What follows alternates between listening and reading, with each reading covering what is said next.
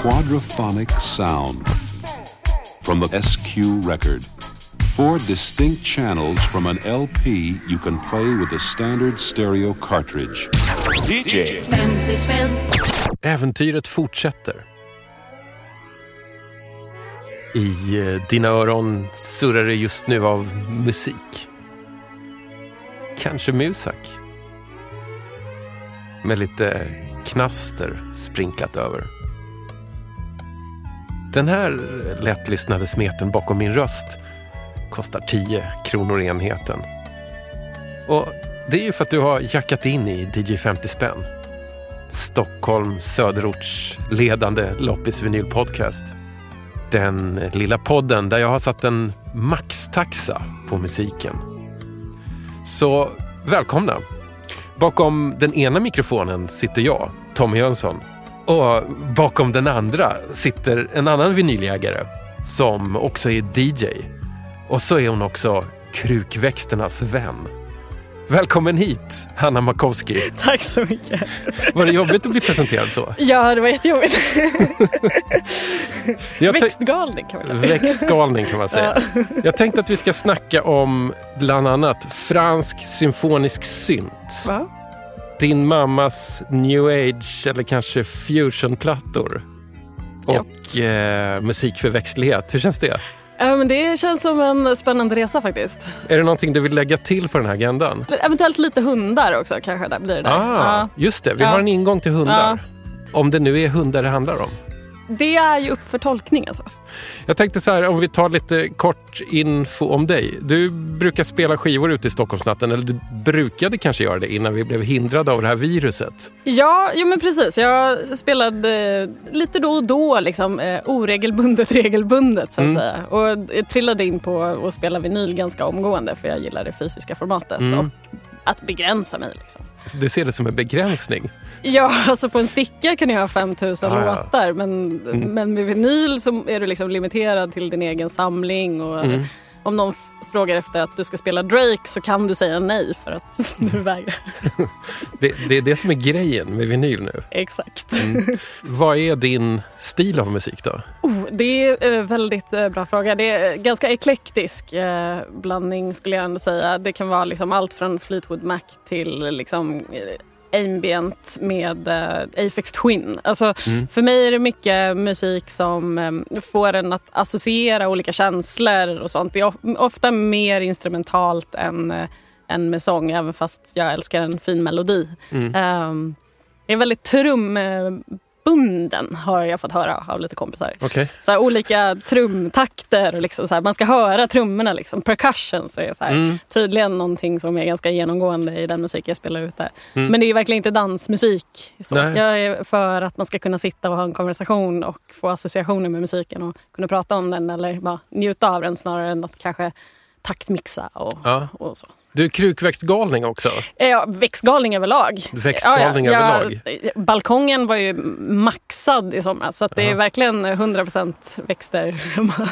Vilken växt är din musik så att säga? Ehm, jag skulle faktiskt säga begonier. Eh, Ah, för det är väldigt blandat. Det finns en koppling till begonier på flera sätt. Jag eh, samlar på dem också. Men vad som är fördelen med begonier är att de är, det finns utspritt över hela världen. De kan se hur olika ut som helst. De kan vara krypande, de kan vara flera meter höga. Och bladen kan vara hur blandade som helst. Och det kan man också lite så koppla till skivsamlingen. Att den är, den är väldigt blandad och väldigt spretig. Ehm, och Aphex Twin kan liksom sitta bredvid Bo Hansson. Så att det, är, det är mer ett släkt än en specifik. Säga. Kan man säga att be- begoniorna är liksom den eklektiska musikmixen från en icke-dans-DJ? Exakt. Om vi översätter det till Precis, växtriket. ja, men verkligen så. I alla fall för min del. Mm. Ja. Och DJ 50 spänn funkar så här, det här är till dig som lyssnar nu. Gästen får en Evert, en 50-lapp i budget och för de pengarna så ska det köpas fem vinylskivor i fem olika kategorier. Sen spelar vi en låt från varje platta och så låter vi musiken styra om vad vi snackar om. Det här är helt självklart nu, eller hur? ja, Klart som korvspad. jag tror det. Ska vi dra igång din första? Ja, men vi gör det. Den är väldigt fin alltså.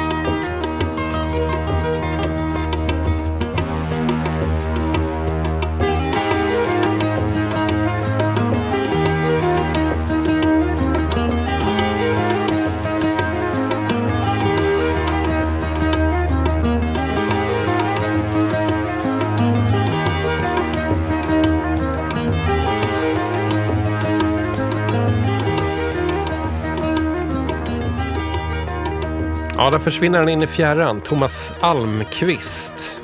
Eh, Coral Reef heter den här från ett album som heter Nyanser. Hanna, hur mår du när du hör den här mixen av någon slags fusion-aktiga syntar och tablas och så här mysharmonier? Alltså, jag ryser av välbehag. Jag tycker den är jättemysig. Ja. och den är lite så här, man, man får, särskilt om man lyssnar nu så får man väldigt så här, tillbakablickar till sommaren. Man sitter på en kalkstenstrand på Öland typ, och ser solen gå ner. Liksom. Ja. Den är väldigt varm. Det här var ditt fynd. Verkligen. Det är liksom wow, tänker jag. Om man hittar sånt här för en tia. Ja. Är resten av albumet så här bra? Eh, inte allt. Den Okej. är ganska, jag tycker den är lite ojämn, eh, albumet. Men, eh, men det finns några, några riktiga skatter till på, Mm. på den. Men Ja. den här kände jag hade eh, den slog an en personlig liksom, eh, sträng. Mm. Eh, för att den har någonting som jag lyssnar på även mycket mer modern musik. Så, så att den var väldigt lättlyssnad och samtidigt så bara, man börjar sväva bort i tankarna. Liksom. Thomas Almqvist är en lite märklig artist. Det finns några sådana här skivor som man gav ut som rör sig i det här området. Det är lite så här mysflummig musik, får man lov att säga, Mm. ofta. Jag tror att han var gitarrist egentligen, men det är ju väldigt fint så här, synt och slagverksarbete. Ja men exakt, som jag förstått så var han liksom framförallt gitarrist och när han Ja. gjorde sitt eget så är det ju liksom, det var ju det han gjorde sig känd för. Och sen var han även eh, kompmusiker till, och liksom spelade in och, och så till väldigt många. Jag tror Kjell Hö- Höglund. Ja, Ja. Mm. Eh, men han gick också över till att, om jag förstått rätt, så blev han sen kom, kompositör och gjorde väldigt mycket och fortsatte som, han levde som musiker. Och eh, gjorde liksom eh, egna kompositioner under resten av sitt liv. Liksom. Han gick bort för några år sedan. Jag har inte Nej.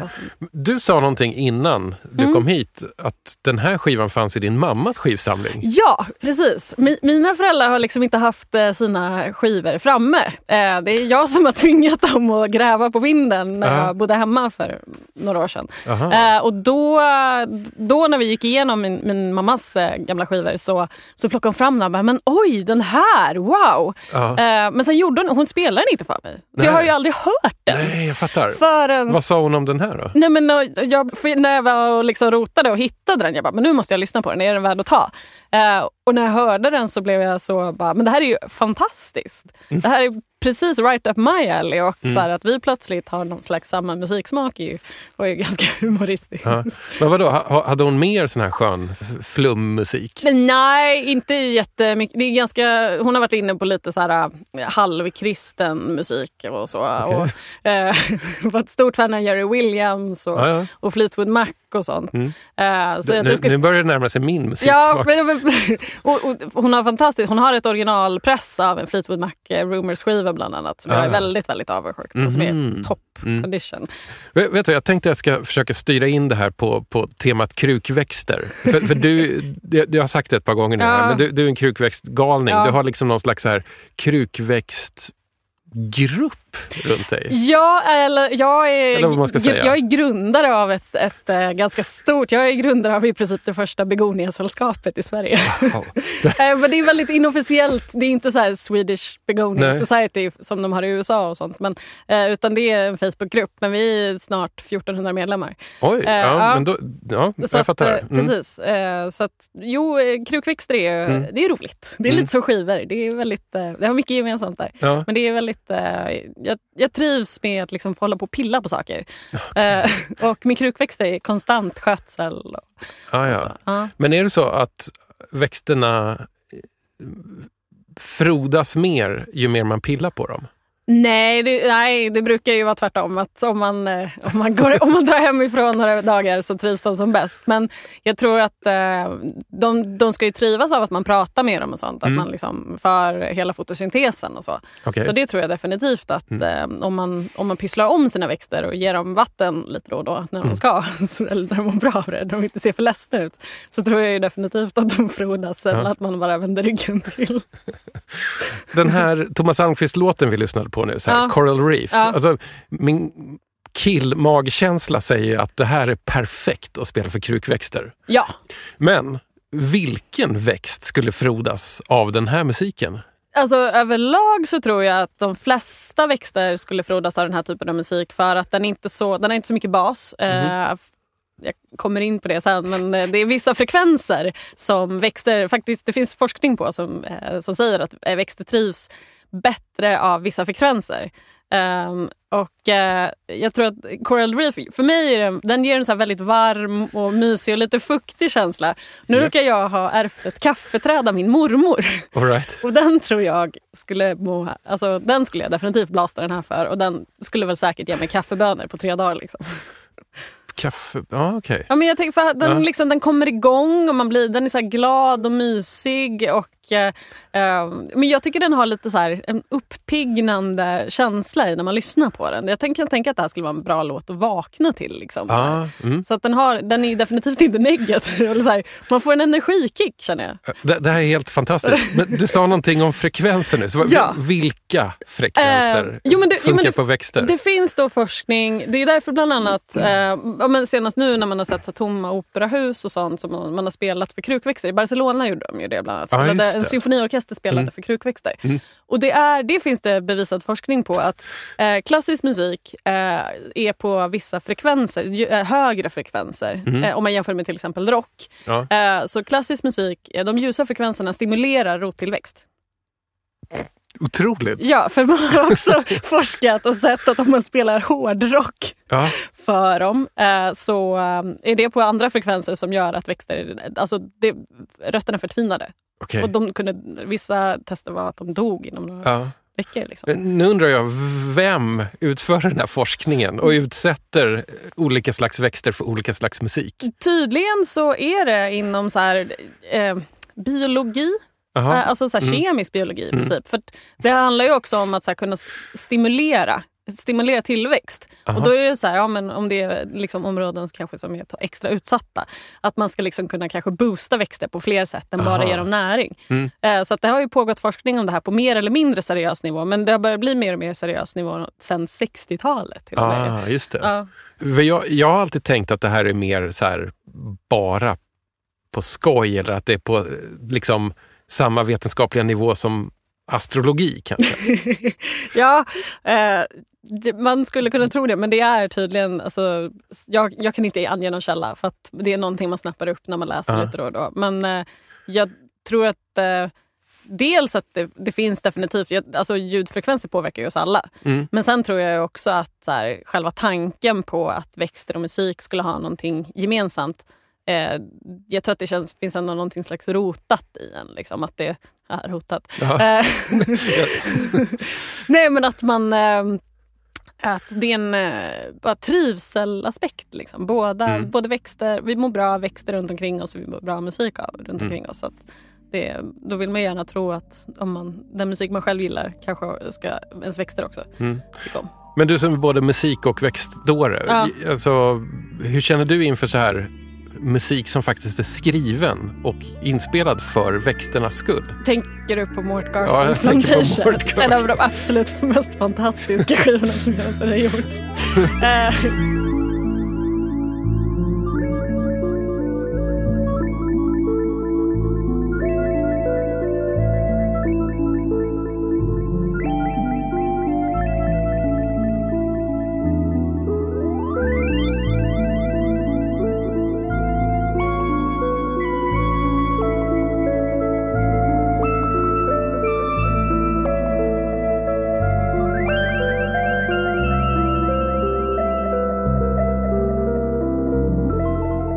Garson är alltså, vad ska vi säga, alltså han gjorde sån här elektronisk musik på Moog-syntar ofta, eller hur? Mm. Sent 60-tal eller tidigt 70-tal kanske. Precis. Eh, han gjorde en hel, en hel, en hel skiva eh, som är tillägnad eh, olika växter. Och den har liksom eh, raps. Eh, en låt heter You don't have to walk my begonia.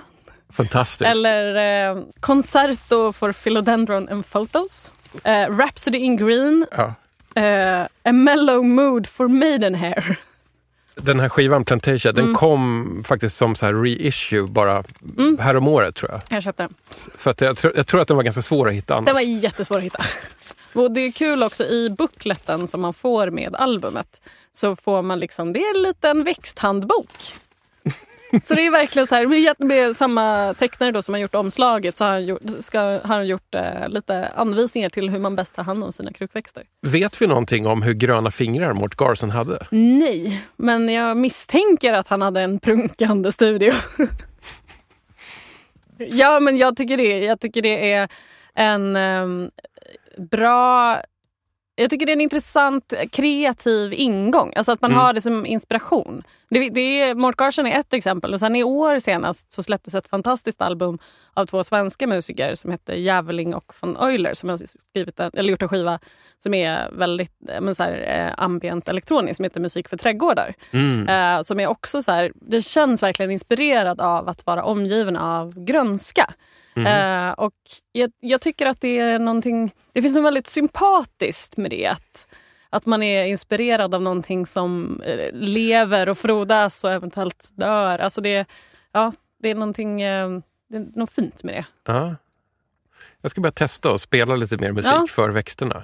Jag har ju det se, som, se om det händer något. Jag har ju det som en grej att jag har mitt lilla växthusrave hemma i vardagsrummet. Liksom. Att jag spelar musik kontinuerligt för mina växter. Och jag tror att de som, de som trivs Eh, det är de som eh, ja, men, eh, de som gillar musiken och dör de så ja, då är det fel, då har de kommit till fel ställe. Ja, ja. Det är lite som att gå på en klubb där man inte gillar musiken. Ja, då, då går man.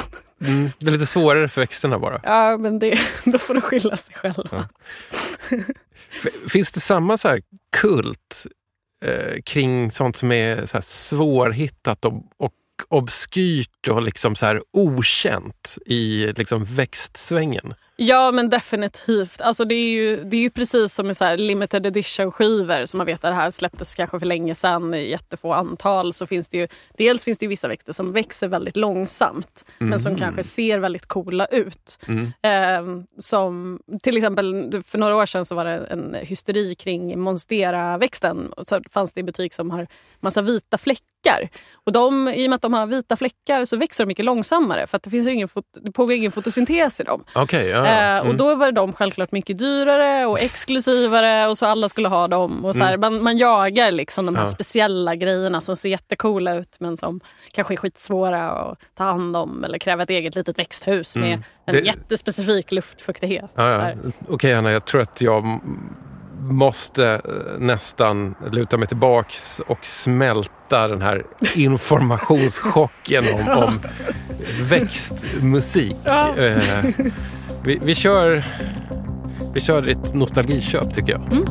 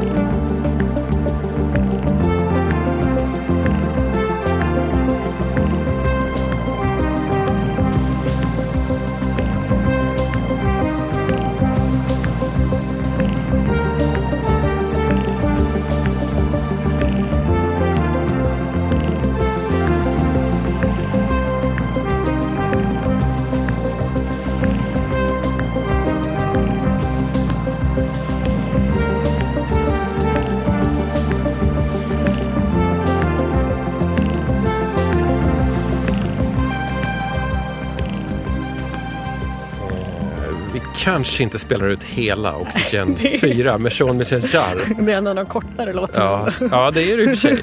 Eh, hitten på, Ja. på Jean-Michel Jarres... Eh, Oxygen. ja. Mm. Det här är alltså ditt nostalgiköp. Ehm, när var det här en låt i ditt liv? Eh, eller hela skivan. Hela skivan? Eh, ja, eh, jag är ju uppvuxen mest på, det, liksom, på 90-talet och då Mm. Var det ju mycket så här, men, eh, elektronisk eh, instrumental musik som typ Air och, och vi lyssnade mycket på Mike Oldfield och, och, um, och sånt. Och det här var ju en skiva också som spelades, men CD-versionen. Liksom. Ja. Mycket så här, bra musik att ha i bakgrunden när man lagar mat.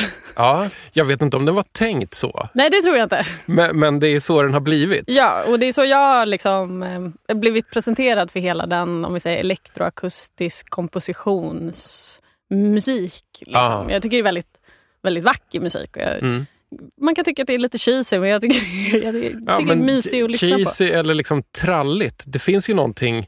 Alltså, just med Jean-Michel Jarre så är det ju det är väldigt liksom hittigt, tralligt, catchy för att vara sån här helinstrumental, lite så symfonisk synt egentligen. Det är väldigt enkla och liksom direkta melodier som man bara så fastnar i. Ja men alltså den här har ju en snitt från, hot, nej, från ehm, Popcorn. Ja, Från, ja, ja, Så jag tror att det finns liksom något ganska hittigt redan i basen. Ja, Där. ja, ja. just det. Ja, ja, men Vissa det, absolut. bitar slingorna är tagna för den, Ja. eh, den låten. Det har, det har jag aldrig tänkt på. Nej. Du sa nyss att det här var så här musik som man kan laga mat till. Ja. Det, I hela mitt liv har, tycker jag mig ha hört Jean-Michel Jarres Oxygen 4 i bakgrunden på olika så här, naturfilmer och dokumentärfilmer och reportage.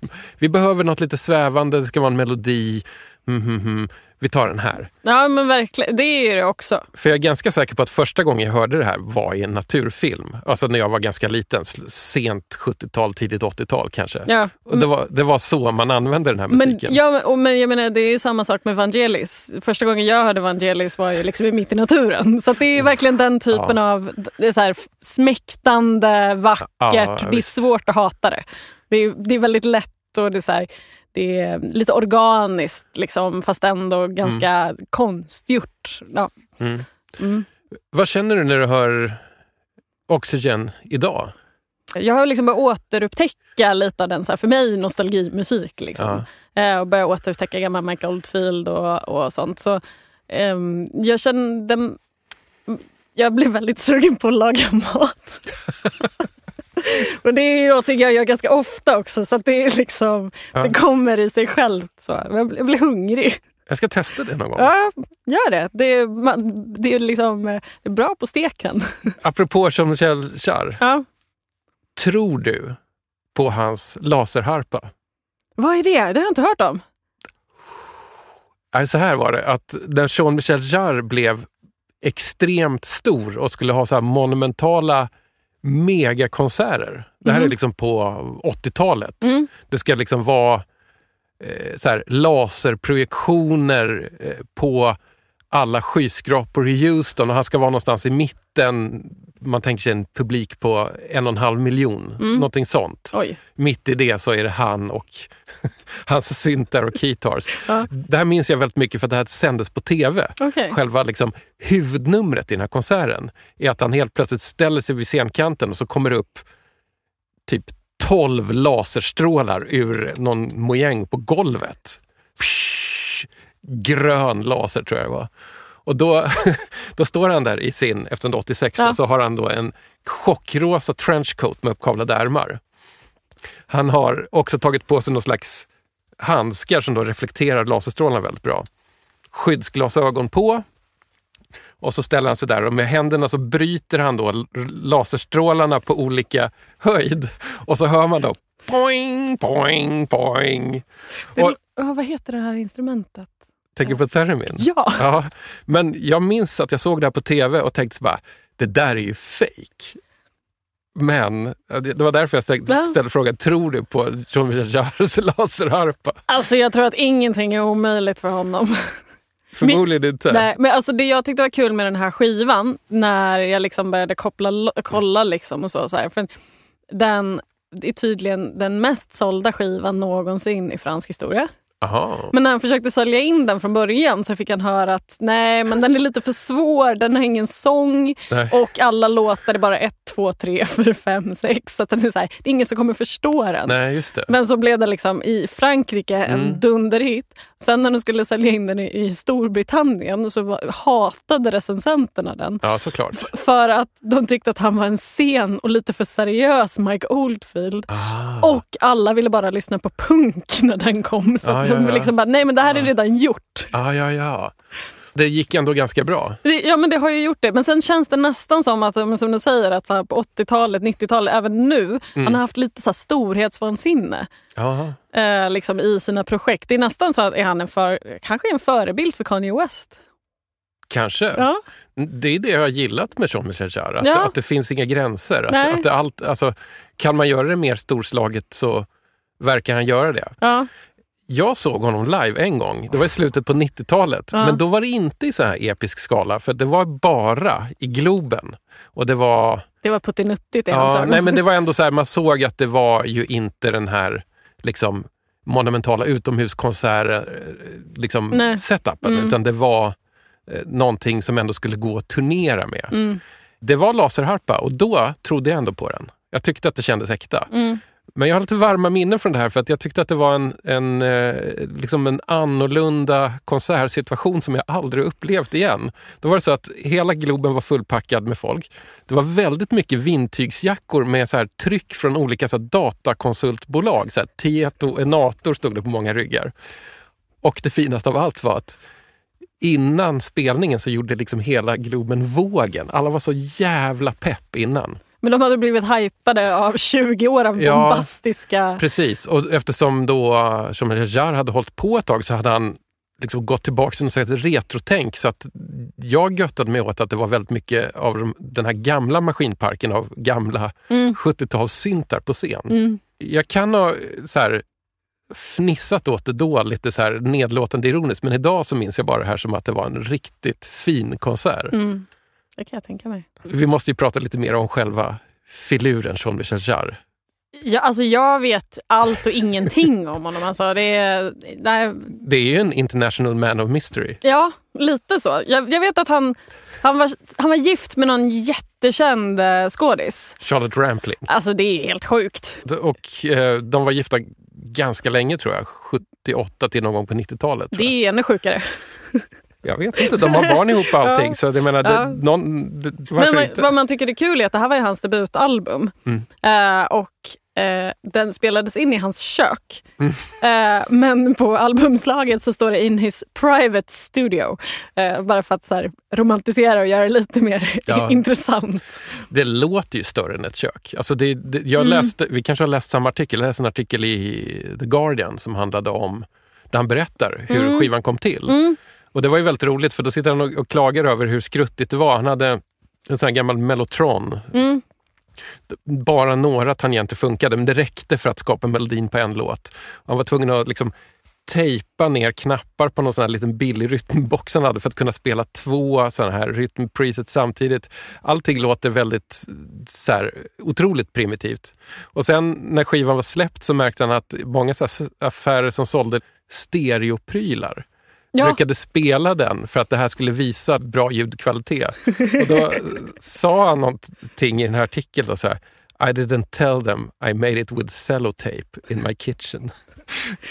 Jag har inte lyssnat på den på, på jättelänge. Nej. Det lät ju, lät ju riktigt fint fortfarande. Alltså det, det som är jobbigt med den är att den har några verkliga så här, riktigt, riktigt bra delar. Men i och med att alla låtar går i varann så är det jättesvårt om man så här vill spela den. Jag skulle kunna spela vissa delar ute men det är helt omöjligt att hitta var, var Ah, på hela sidan är just den där slingan innan det är så här typ halvtyst, rymdigt, rymsligt. Ja. Ehm, Det borde väl du greja som är så här ambient DJ? Alltså, det, Men jag är jättedålig på det tekniska. Alltså hemma har jag fortfarande en, eh, liksom, en Rega R1. Jag har ingen, inte ens automatiska spelaren för att jag inte renoverat dem. Så det är verkligen så här, ska jag byta mellan olika hastigheter måste jag lyfta på hela plattan och byta, flytta plats på remmen. ja, det är jobbigt. Ja, Jag tycker vi simmar vidare här. ja, Jag har laddat din chansning här. ja. Spännande. Jag, jag, det här vet jag Noll. om.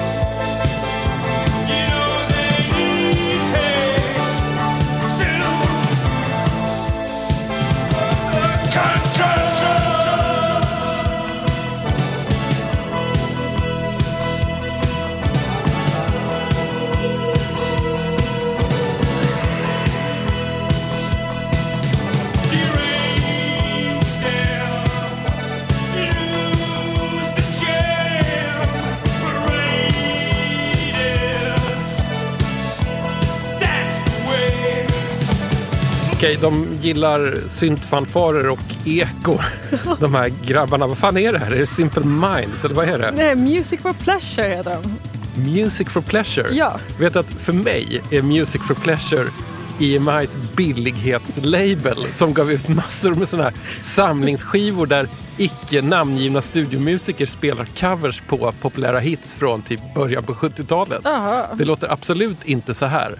Det här, Så det här är alltså bandet det Music här for är bandet Music for Pleasure. Eh, hade ingen aning om att de fanns. Nej, inte jag heller. Vad jag, vad jag fastnade för eh, när jag rotade omkring på det här, det var ju en chansning verkligen, men Mm. det var för att det är Polydor som eh, stod på, liksom, på labeln. För det är väldigt intetsägande cover också.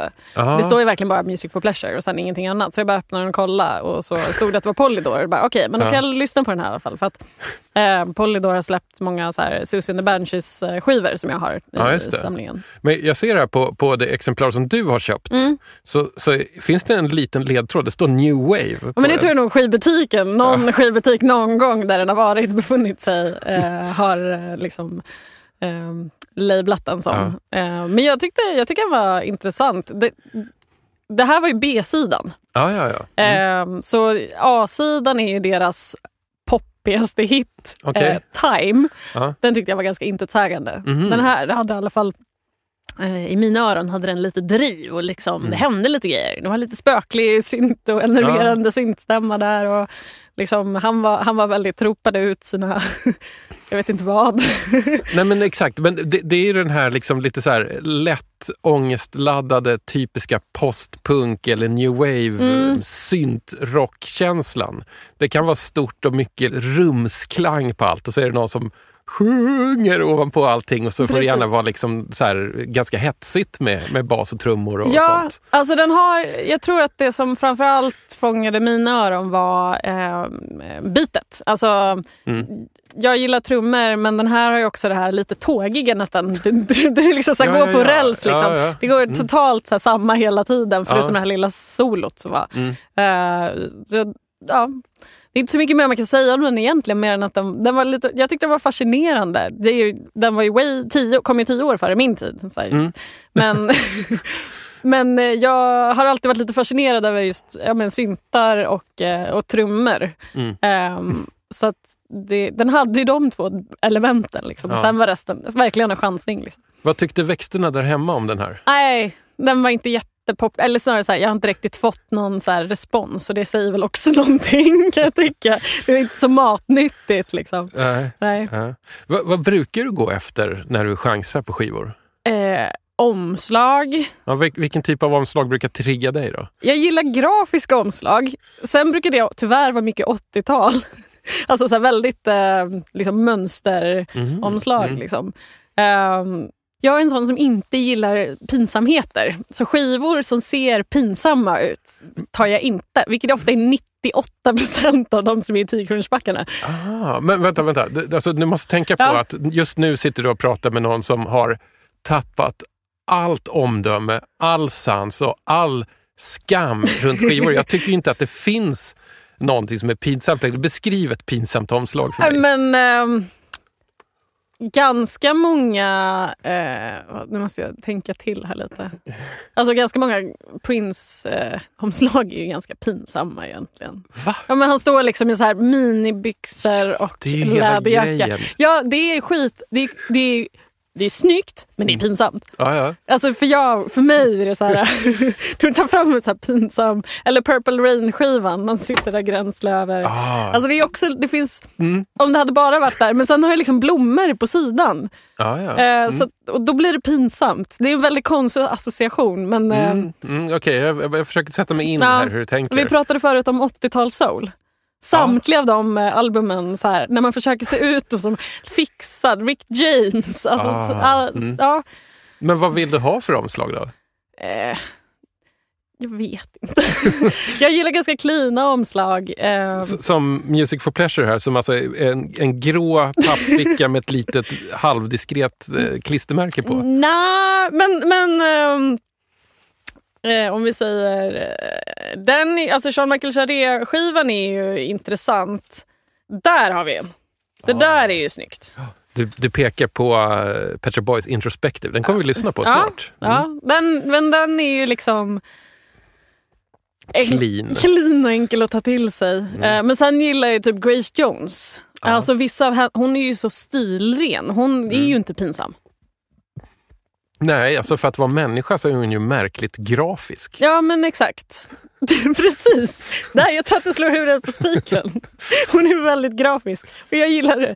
Väldigt cleant och grafiskt. Ja, jag, tror, jag tror jag förstår. Ja. På något sätt så tycker jag att Music for Pleasure passar in i, i, i det här ändå. Jo, men jag tror det också. Jag, tr- där kan jag väl tycka att de var lite för eh, liksom, återhållsamma på Mm. omslagsbudgeten. Men eh, de kanske inte heller blev så stora så de kunde Nej, de, satsa. de blev nog inte det. Nej. Nu ska jag faktiskt slänga in lite info här. Jag var tvungen att försöka hitta någonting Ja. om Music for Pleasure. Det, det går att hitta lite info om dem ute på nätet, men den är väldigt liksom så här, eh, vad ska vi säga, rudimentär, väldigt liksom faktaboksmässig. Eh, de bildades 1979 av Martin King, som spelade bas, Alan Pearce sjöng, Sean Wetley på trummor, David Whittaker keyboards.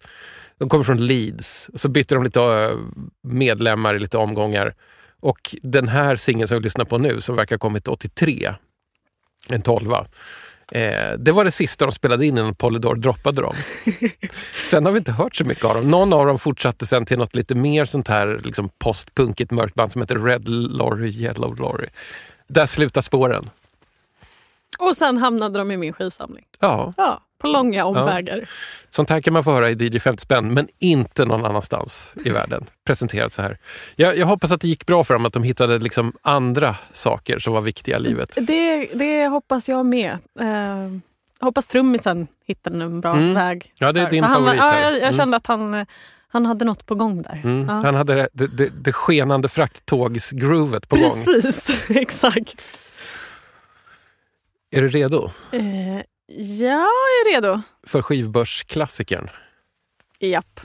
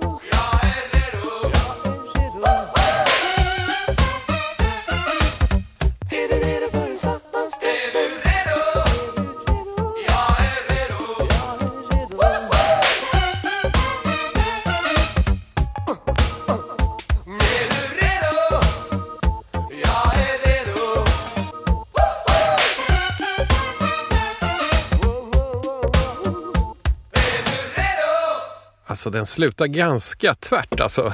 Ja. Det här är alltså skivbörsklassikern. En sån här skiva som nästan alltid står där.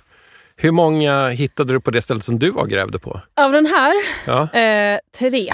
ja det är ganska bra. Av alla ställen jag har varit på under tiden.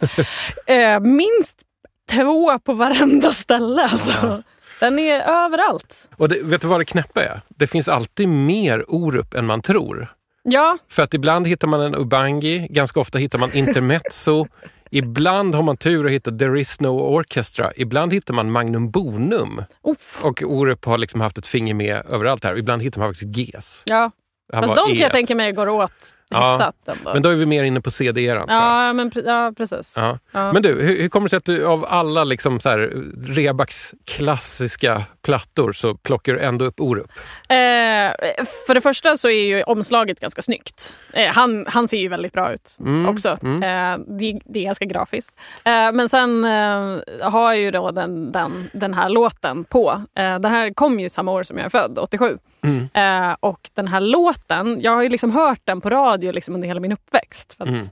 Det var på den tiden man spelade inte bara årets musik på SR utan man spelade Ja, lite Ja. mer musik. Och ehm, just den här låten, jag har alltid, sen jag vet inte hur länge, varit väldigt, jag gillat lite plojig, humoristisk Mm. musik. Eh, min um, mosters eh, dåvarande pojkvän presenterade mig ganska tidigt för Devo.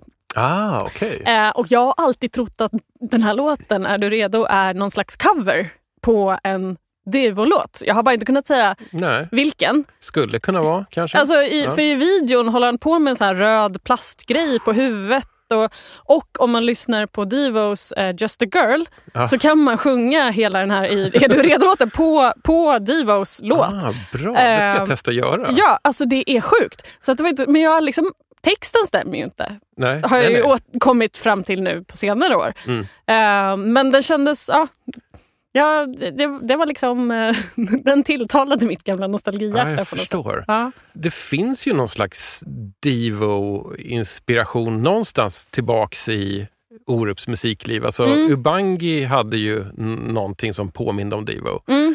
Jag vet att ibland har Orup med sig en keyboardist som heter Mats Wigerdal som egentligen nu för tiden är antikhandlare. Men också ett stort Divo-fan. Min teori är ju att den där röda plasthatten kommer från honom. Ja. Det, Jag ska ta gift på det, men jag, jag tror att det är så. ja. Det som slog mig när jag lyssnade på, på den här nu är att den lät faktiskt också lite funkigare än vad jag minns den. Alltså det smällde på i någon slags här konstig Jimmy Jam, Terry men Lewis, sent definit- 80-tals, Ja. lite så här swingbeat-funkigt, Mm. eller hur? Ja, men den har definitivt eh, så här funkig feeling. Mm. Tydligen hela den här um, call and response-grejen som, som eh, hela låten är byggd på typ, var från att eh, han hade varit på någon spelning på Café Opera Såklart. och eh, sett eh, något så här stort funkband och de körde typ hela konserten bara, ca- call and response. Ah, okej. Ja. Så då var det liksom, då ville de plocka upp det någonstans. Undrar vad det var för band? Det minns du inte? Eh, Trouble Funk, kanske? Nej. Cameo? Eh, jag har det. Har, har du det antecknat? Trouble Funk. Trouble Funk, Yes. härligt. Ja. Go-Go kallas den subgenren Ja. funk. Fantastiskt. Mm. Men den var också inspirerad av Prince. Ja, ja, ja men, det. Så, men det är ju, det det är här ju är väl från obvious. 80, Sju. ja, Ja. Då, då var allt inspirerat av Prince. Väldigt sant. Men en intressant del var den är också inspirerad av att eh, han hade tydligen sett någon film av Fellini. Som är någon, så, såklart, som är om någon kvinna som har väldigt många älskare. Och det är det hela texten bygger på. Wow! Ja, så plötsligt blev det liksom lite små ekivok nästan. Är det inte så att Orup ändå med någon slags finess är ganska nära det här lite snuskumriga? Jo. Eller vad vi ska säga. Jo, Alltså, men han har ju klass nog. Ja, han har liksom- klass nog. Alltså, han, han är en sån här som inte berättar allt. Eller så här. Men, men det finns, det finns en liksom, liten sån känsla i bakgrunden ofta. Ja, men det, det kan jag nog hålla med Jag är inte jätteinlyssnad på Orup, men han är en av få om vi säger, svenskar som sjunger på svenska som har vuxit upp med Mm. eh, sångare som jag inte tycker är pinsam. Eh, men jag tror också det har att göra med att han alltid varit inne lite på det här mörkare, lite så här syntigt Mm. feeling också. Eh, jag har lite problem när det blir för glatt och Mm. Trallvänligt. Den här är i och för sig väldigt trall, Ja, trallvänlig, men ja. på ett annat, annan nivå. Mm. Ja. Den är trallvänlig på nästan hejaklacksnivå känner jag. Ja, det Är är man, manligt. Är. Exakt, manligt trallvänligt. Mm. Om man ska liksom... Helt ärligt så är det väldigt sällan jag plockar upp en Orup-platta och lägger på. Men Mm. man kanske ska göra det oftare för att det lät lite fräschare än vad jag hade tänkt att det skulle göra. Jag tycker att den känns ganska modern. Mm. För att den är ganska clean. Eh, Den är inte liksom så mycket R&B och sånt som spelas nu, men jag tycker att den har eh, den, jag tycker den har definitivt åldrats, åldrats med vär, värdighet. Eh, för att ljudbilden känns förut, ja, men, funkigt börjar man ju höra mer och mer igen. Liksom. Mm. Så jag tror utan problem att man skulle kunna köra den här på radio idag utan att så här, det, folk skulle bli så här, vad fan är det här? Utan, Nu har vi liksom förflyttat oss lite i tid här. Vi följer den tidsaxeln lite grann för det är dags för ditt random-plock här. Det är den klina skivan. det är den klina Det skivan. ser ut som en jävla testbild. ja, lite så faktiskt.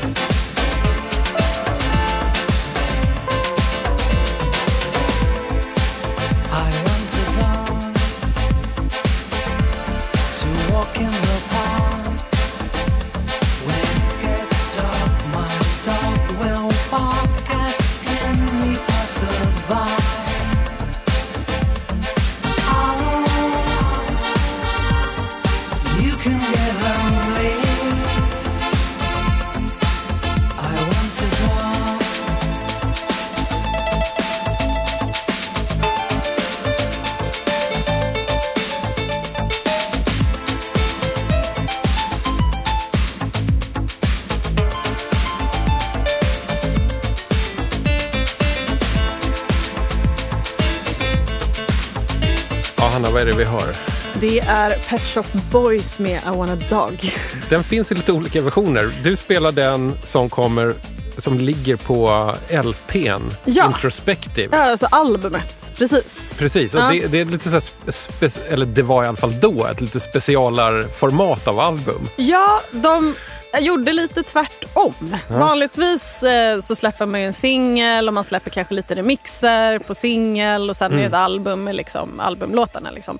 Men på det här albumet, av fyra av sex låtar är ju, finns ju som singelversioner som är om vi säger de radiovänliga versionerna. Exakt. Eh, och sen albumet är eh, extended eller mixade versioner bara. Mm. Ja. Så det finns, albumversionen är special. Ja, just det. Och det var det jag fastnade för med den här låten bland annat. För att Mm. där jag bara, ah men kul, Pet Shop Boys. Och så vände jag om och bara, co-producer, Frankie Knuckles. Ja, just det. Han, han har liksom remixat den här så att Exakt. den har någon slags så här... Ja, han, har han har delproducerat Ah, den okej, också. ja. Just albumversionen. Och Ja. sen har han också gjort en egen mix. Ah, så han okej. gjorde två liksom. Mm.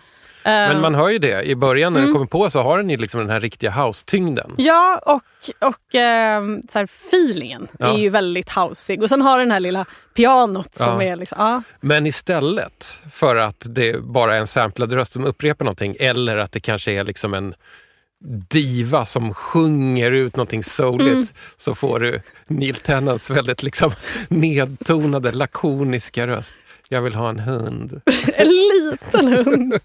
Ja men verkligen. Och det, alltså det, det var så roligt när jag kollade upp texten också. Mm. Eh, den säger liksom så här, jag vill ha en hund, a chihuahua. Ja. Eh, when I get back to my small flat I wanna hear somebody bark. Mm. Ja. Oh oh you can get so lonely. På, på ett sätt otroligt liksom intetsägande och platt text. Men Mm. på ett annat sätt så är den ju liksom nästan drabbande. Jag hittade en jätterolig tolkning, eller rolig, men jag hittade en intressant tolkning av den här eh, också. Att eh, om man ska, det här var, Den här kom ju ut några år innan eh, Neil Tennant kom ut som gay. Ja, just det. Eh, och att man kan ha ett, liksom ett eh, om vi säger eh, ett annat öga på Ja. den här texten. För att andra versen, Aha. då är den Don't want the cat. Uh, scratching its claws all over my habitat. Uh, giving no love and getting fat. Oh, oh, you can get so lonely and a cat no help with that. Alltså, och då, är det, då kan man tolka in det här som att hundar är liksom maskulina Ah, okay. mm. och katter är feminina och han vill ha en hund. Så, Men men, en chihuahua. så du menar att den här tolkningen säger att det här är ett liksom kodat liksom gay-budskap? Ja, typ, han kommer ut redan Ja, nu. Liksom. okej. Mm. Den, här, den här låten kom ju aldrig, släpptes aldrig som singel. Nej, men fanns den inte som B-sida på typ Rent? Ja, Ja, exakt. mm. Och den är ju då den enklare varianten. Och Rent eh, är, om man kan koderna, så är ju den ganska tydligt liksom en skildring av någon slags gay lifestyle grej. Ja. Ja, exakt. Eh, ja. Det här är en annan tid, alltså det här är slutet på 80-talet då eh, det inte var helt självklart att man kommer ut det Nej, första man gör. Alltså, exakt. jag tror att Neil Tennant egentligen kom ut på riktigt i en intervju först 1994. Mm. Men alltså, folk fattade väl, ganska många fattade det långt innan. exakt. Men ändå intressant om man har liksom kommit ut på Mm. är det, B-spåret. På. Ja, Fast det är deras bäst sålda album. Det här, ja, Introspective, Ja, det var som fan, det hade jag ingen aning om. men det är för den, de anser att eh, den skivan som kom inte efter, men sen efter den, jag har inte namnen, Okej. var deras bästa. Men de släppte en, ett, ett album precis efter den här som inte alls var lika bra men som sålde skitbra. Eh, Jag tror, jag tror att den som kom efter den här var Behavior, det med Being Mm. Boring och de här låtarna. Ja. Och efter den kom Very, det är liksom med deras Go West-cover och så vidare. precis. Men jag, nu tycker, måste jag tänka efter, säger jag fel? Nej, nej, nej det, här, det här Ja. stämmer. jag är inte jätteinläst på Pet Shop Boys men Nej. det är ju musik man har, liksom, i och med att jag är Ja. född sent 80-tal Mm. så är man ju verk, verkligen uppvuxen med Ja. eh, deras Ja, liksom, de- släpp under hela 90-talet. De, de har alltid funnits omkring en. Och Exakt. det intressanta med Pet Shop Boys är ju att de funkar precis lika bra i Sport Extra i P4 som de funkar liksom på någon mörk gaybar någonstans. Ja, eller på rave. Alltså, de på verkligen absolut. kan spelas var som helst. Mm. Det är skitkul. Jag kan minnas första gången jag hörde Pet Shop Boys. Det var när Kai Kindvall första gången spelade upp Western Girls i tracks. Och redan då så var det så att öronen på något sätt bara drogs mot högtalaren. Så här, Vad är det här? Mm. För att den är, det är liksom en bra poplåt men den är också så laddad med atmosfär. Och den har någonting melankoliskt som ändå inte är så här dödsdeppigt, om du förstår vad jag menar. Alltså det, det, är det är någonting med den här stämningen. Det är som en trött blick Mm. eh, som går ut över en gata med liksom vattenpölar som neonljuset speglar sig i. N- något sånt. Nej men alltså verkligen. Jag, De är, de är helt suveräna på det, Pet Boys. När de, gör, när de verkligen ger sig fram på att göra det så blir det så otroligt bra sån feeling och atmosfär. det, ja, och det, särskilt med den West End Girls har ju att den har en nästan viskande i slutet av refrängen vilket jag Mm. tycker är väldigt så här, bara, men här kommer den igen. Liksom, bara, bara, kom ihåg nu, West End Mm. Girls. Ja, jag tycker det, den är väldigt den är poetisk nästan. Jag har den här random access vinyl-kategorin. Alltså, dels för att jag tycker att slumpen ska spela roll. Att även om man går där och väljer väldigt medvetet, som jag tror att du har gjort, så ska det ändå finnas ett, ett moment av liksom slump. Mm. då är det ju nästan lite synd här att du fick en så bra framslumpad. Alltså, som jag, passade in också på något sätt. jag kan säga att skivan som stod bakom var en Bruce Willis-skiva. Wow! Det var nästan skrämmande.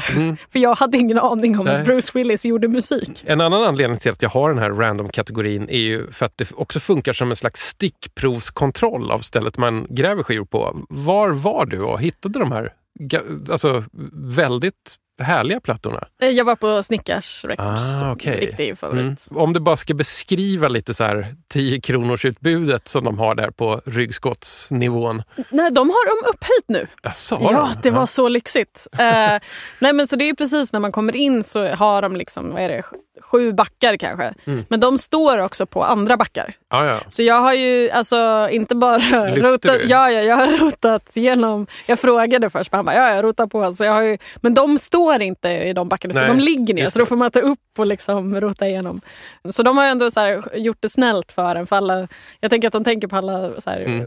40-åriga småmanspappor som här vill fly ett tag. De ska inte behöva förstöra ryggen. Nej. Är jag väldigt Ja, det, är, det är om- fint, jag blir nästan, jag blir nästan tårögd när jag tänker på det. men jag tycker det är, det är överlag är det en fantastisk skivbutik. Jag hittar väldigt mycket både nytt och gammalt där. Mm. Eh, också för att hela deras, om vi säger utifrån, inte bara liksom 10 kronors backarna så har de också fantastisk eh, liksom assortment överlag av väldigt mycket olika Ja. musik. Och mycket som är, det är inte så mycket nytt utan det är väldigt mycket som är second hand och liksom, eh, vintage-vinyler. Ganska dyra vissa har de på väggen också. Men, Ja, ja. Men eh, det, så ska det vara. Ja. Vi- vi- Vissa, vissa, vissa är snåla, mm, som jag. Vissa gillar att köpa dyrt. definitivt. Mm. Jag, jag kan väl erkänna att jag har köpt några dyra, dock inga såna här eh, samlarobjekt. Så. Eh, men där har jag eh, annars eh, min då före detta morbror, som har, han som introducerade mig verkligen till musik eh, när jag var tonåring. Han är en sån riktig så här, hitta guldgruva. Men han är också beredd att betala. På vilket sätt är han din före detta morbror? Men han var tillsammans med min moster. Ah, okej. Ja, men de var tillsammans väldigt länge. Men Ja. båda de har verkligen influerat min liksom, musikintresse. Och jag har fått Mm. så mycket så här, böcker om typ Iggy Pops historia. Och så här. Ja, väldigt, eh, jag fick eh, Nena eh, 990 eh, luftballons av honom Ja. i julklapp. ett Okej. år. Ja, Mm. så, bra grejer. Ja. Så därifrån kommer lite av musikintresset. Ja, definitivt. Det här växtgrejen, Ja, när kom den in i ditt liv? Det har nog egentligen alltid funnits med. Eh, men jag tror att det boostades för några år sedan när tyvärr min, min mormor gick bort. Mm. För att hon, jag är uppvuxen med att hon hade i sitt hus på, på liksom inglasade altanen så hade hon ett så här, tre meter högt kaffeträd. Ah. Och sen när hon var tvungen att sälja huset så flyttade hon till en lägenhet så då kunde, fick hon bara liksom kapa toppen. Mm. Eh, så hon, och den kaffeplantan står ju hemma hos mig idag. Så att hon, när hon gick bort så fick jag ärva eh, flera av hennes växter. Och då märkte jag, det var samtidigt när jag började jobba ganska intensivt i, inom modebranschen. Och det är ett väldigt stressigt yrke. Man ska Mhm. vara liksom överallt hela tiden. Och det finns ingen, jobbar du inom produktion som jag gör så har du aldrig semester. För att det är hela Oj. tiden en kollektion som ska produceras Ah, ja. eller liksom följas upp eller utvecklas. Så Mm. att, ehm, att hålla på med växter var liksom en så här räddning i så här, att de-stressa. Och det är lite samma sak som att hålla på med skivor. Att det är ett väldigt fysiskt, men det är, det är meditativt att stå och bläddra. Liksom, så här, bara låta ögonen vila över massa skivor och så bara, man får se vad man hittar. Och det är samma sak med växter. Att man ehm, håller på med mycket med fingrarna och, och um, man kan nörda ner sig och säga, ja men det här släktet tycker jag är intressant. Då börjar man googla loss där och så hit, liksom, hittar man någon så hybrid av någonting från Japan som bara, åh, ja, det, är, det är ju precis samma sak som med skivor. Vad är då det mest sällsynta, mest rare som du har i växtväg? Bra fråga. Men det är någon, någon av mina begonier tror jag. Eh, Av, av någon sån här obskyrare begonia-sort? eh, ja, men jag har väl en som är, som är den ser, jag tycker den ser ut som en liten alien. Eh, den är liksom skranglig och har jätteavlånga, lite som man så brukar måla aliens, så väldigt avlånga. Och sen har den liksom rö, ill, giftigt röda prickar. Eh, så, och den har en glasburk. Så den är också den, det, är, det som är roligt att den är den som eh, är lättast att ta hand om, för jag behöver inte göra någonting.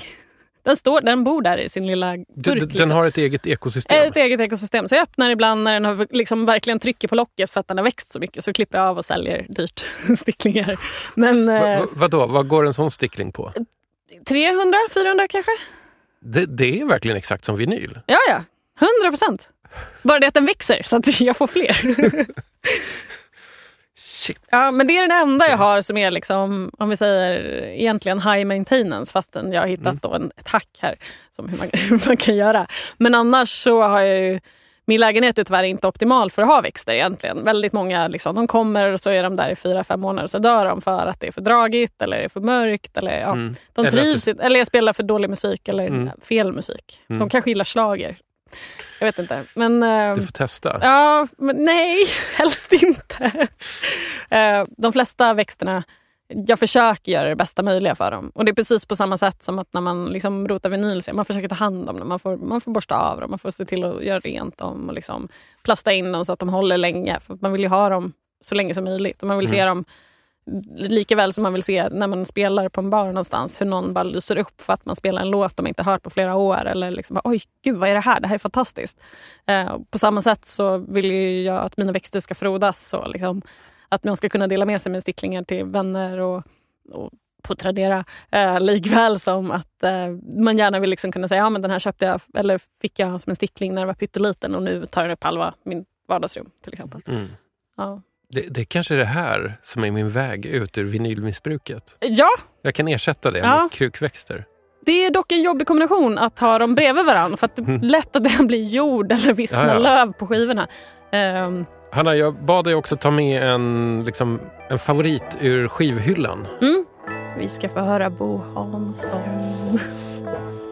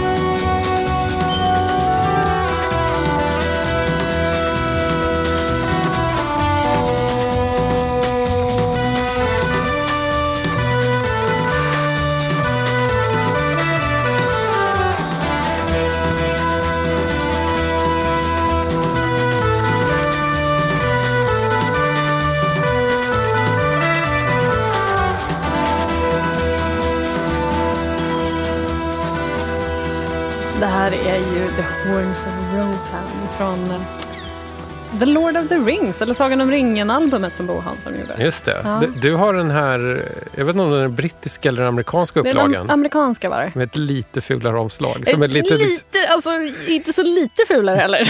Nej, men det, det, det är ett väldigt så här, 70-tals fantasy-konstalbum som inte är så där skickligt gjort heller. Men jag, jag kan i och för sig uppskatta det. Det är lite charmigt på något sätt. ja, alltså. Det svenska albumet har någonting lite mer grafiskt och hemvävt över sig. Det svenska är ju fantastiskt snyggt alltså, det måste jag påpeka. Varför är det här en favoritplatta för dig? Eh, jag har varit i tid och period väldigt influerad av eh, liksom eh, Hansson och Karlsson. Eller så här organisk, progressiv, psykedelisk musik. Mycket av den musiken jag lyssnar på är ju instrumental. Mhm. Eh, och ehm, jag hittade liksom Hansson och Karlsson typ kanske för tio år sedan. Mm.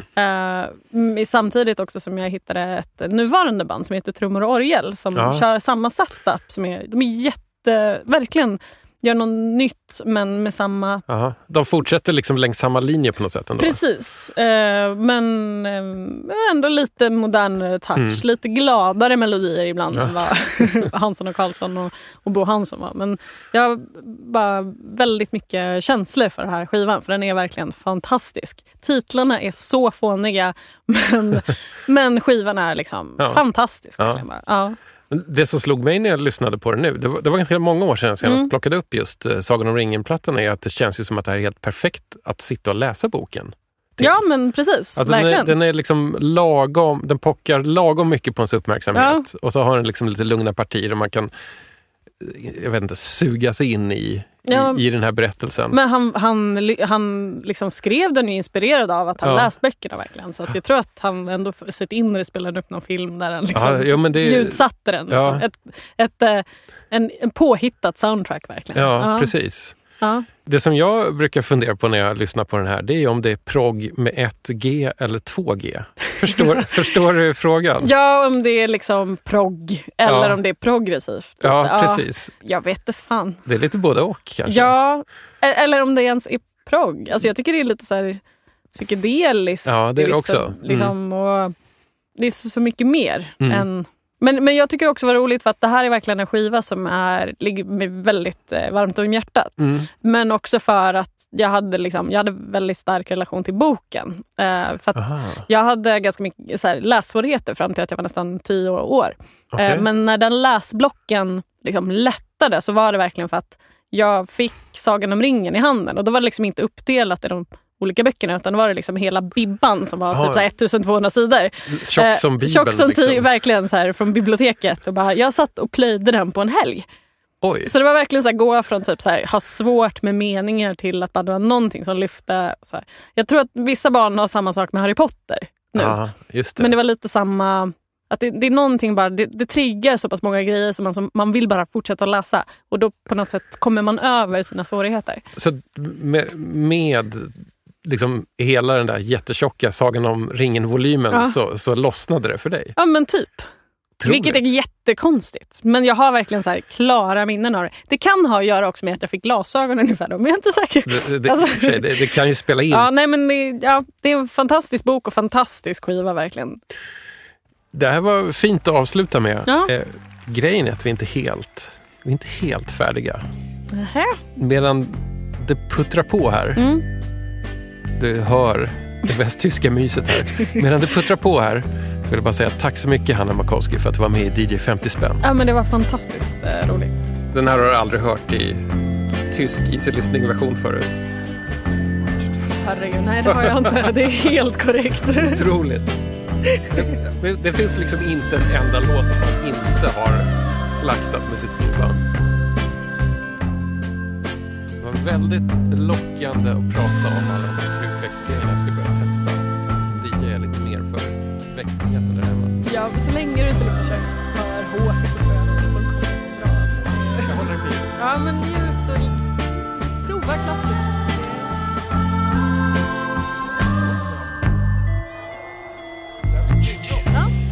Och så var det dags för lite meta-information. DJ 50 spänn är en ideell och oberoende musikpodd som görs för att främja vinylarkeologin. Och särskilt då den glada och billiga sortens utgrävningar som görs i den populärmusikaliska komposten. Jag som producerar och programleder heter Tommy Jönsson. Och vill du samarbeta med mig på något sätt och om du har en budget så ja, hör av dig. Jag finns på mejladressen hej dj50spann.se. Den här podcasten görs i samarbete med produktionsbolaget Rundfunk Media. Om du vill simma runt lite mer i DJ 50 spänns expanderade universum så finns jag på Facebook. Sök efter DJ 50 spänn. Jag finns också på Instagram. Sök efter DJ 50 spänn. Och så finns jag även på Twitter. Sök efter, ja du gissade det, DJ 50 spänn. Och förresten, under min Facebook-sida så hittar du också en hel drös med mysiga Facebook-grupper. Gå gärna med om du har ett lite nördigt och inborrat perspektiv på musik. Om du gillar vad du hör här, så sprid gärna ordet. Dela gärna mina poster i sociala medier. Tipsa din granne, faster, kompis eller katt om min podd så blir vi fler som delar myset runt det billiga svarta guldet. Tack för att du lyssnar.